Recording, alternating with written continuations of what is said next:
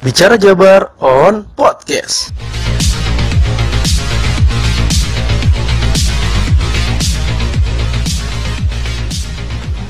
Pabrik-pabrik di Karawang sih memang rata-rata merupakan industri padat modal dan high-tech manufacturing gitu. Ya tidak terpengaruh banyak sih pada hitung-hitungan UMK.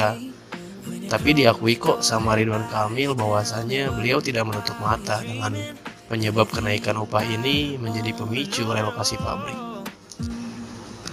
Khususnya ya untuk pabrik-pabrik yang garmen dan alas kaki padat karya seperti yang tadi disampaikan.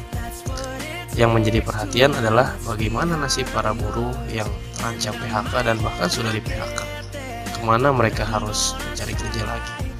Sementara di Jawa Barat sendiri dominasi karyawannya atau buruhnya kebanyakan dari luar. Dengan UMK yang sangat tinggi ini tentu dong menjadi incaran. Tapi untuk pribuminya sendiri bagaimana coba? Ya terbayang dong para nasib buruh yang sudah di PHK sekarang menjadi pengangguran.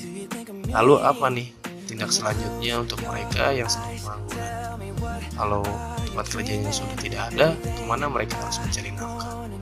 Semoga saja Kang Emil segera mengatasi permasalahan ini.